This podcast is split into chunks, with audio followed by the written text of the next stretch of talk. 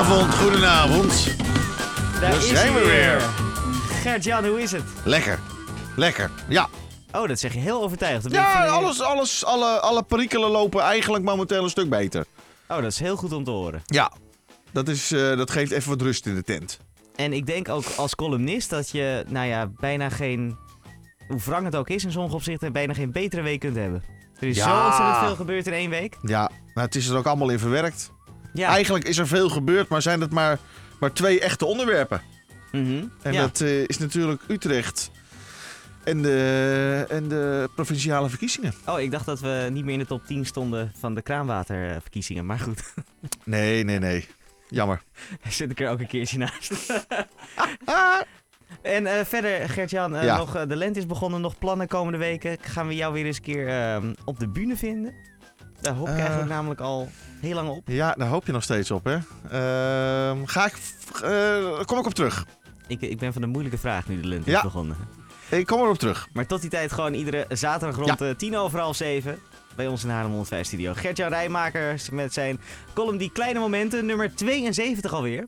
72, de predikant. Succes. Goedenavond 023. Ik open woensdag mijn mail. De dag van de stemming. Belangrijk moment. En ik zie in mijn ongewenste mail een gewenst bericht met de kop: Uw buurvrouw wil seks met u. Dus ik denk, nou, dat is leuk. ja, zijn er net komen wonen. We hebben elkaar nog niet echt ontmoet. Dus ik dacht, nou, sympathiek gebaar. dus ik denk, ik ga meteen even bij de supermarkt langs om wat suiker te halen. Want woensdag, het was de dag van de stemming. De stemming in Nederland. En deze stemming was rechts georiënteerd. Klaar.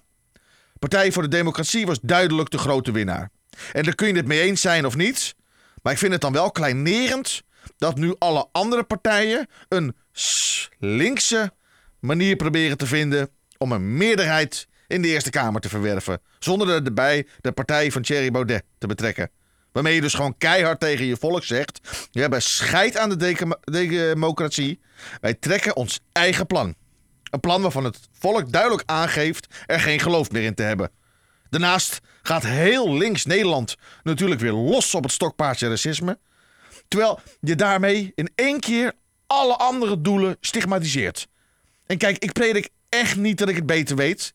Ik benoem alleen wat ik zie en hoe dit op mij overkomt. Want in plaats van met elkaar in gesprek te gaan, wordt er meteen met modder gegooid. Maar ja, de wereld zou er uiteindelijk ook heel anders uitzien als we gewoon met elkaar in gesprek zouden gaan. Maar hey, laten we ons lekker druk maken. Ja toch? Allemaal heet hoofden bij elkaar. Lekker ook voor die geile klimaatontwikkelingen. Ja, ook zo'n idioot plan. Hè? Dat is gewoon een deskundige. Hè? Iemand die ervoor gestudeerd heeft. Die gewoon gezegd heeft dat de klimaatplannen niet gaan helpen. Die gaan gewoon niet helpen. Waarom niet? Omdat aan de andere kant van de wereld de techniek dusdanig achterloopt. dat ze daar de verkeerde gasuitstoten gewoon blijven doorvoeren.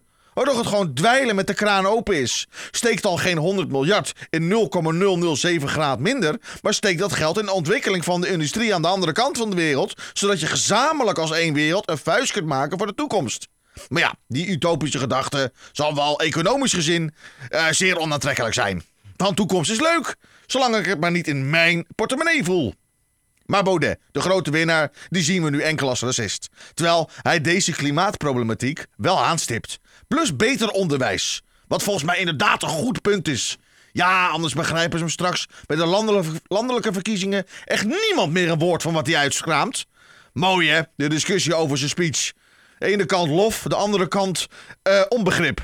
Grammaticaal klopte de toespraak gewoon. Maar voorgedragen in een tijd waarin we onze eigen taal minder zijn gaan begrijpen, waardoor je je grootste gedeelte van je stemmers een verhaal voorlegt waarvan ze na twee zinnen al denken: Henk, eh, snap jij wat hij zegt? Nee. Maar het zal wel goed zijn toch, 100 miljard besparen. Hè? Dat was eigenlijk het enige wat mijn interesse te, eh, wekte. Nogmaals, ik predik niet dat ik het beter weet, maar ik reageer op wat ik zie.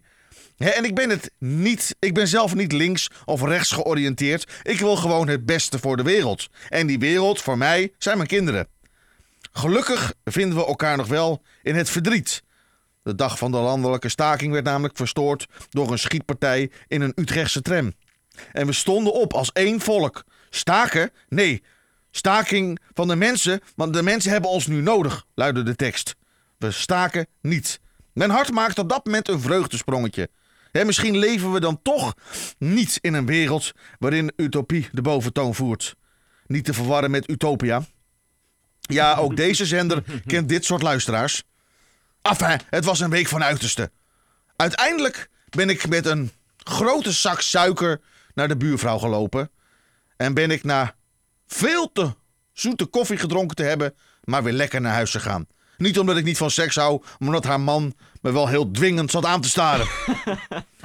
en thuis, ik gooide de pootjes omhoog en dacht, ach, ik leef in een wereld. Wel of geen utopie, waarin ik nog altijd kan genieten van die kleine momenten in het leven die het hem doen. Dankjewel Gert-Jan.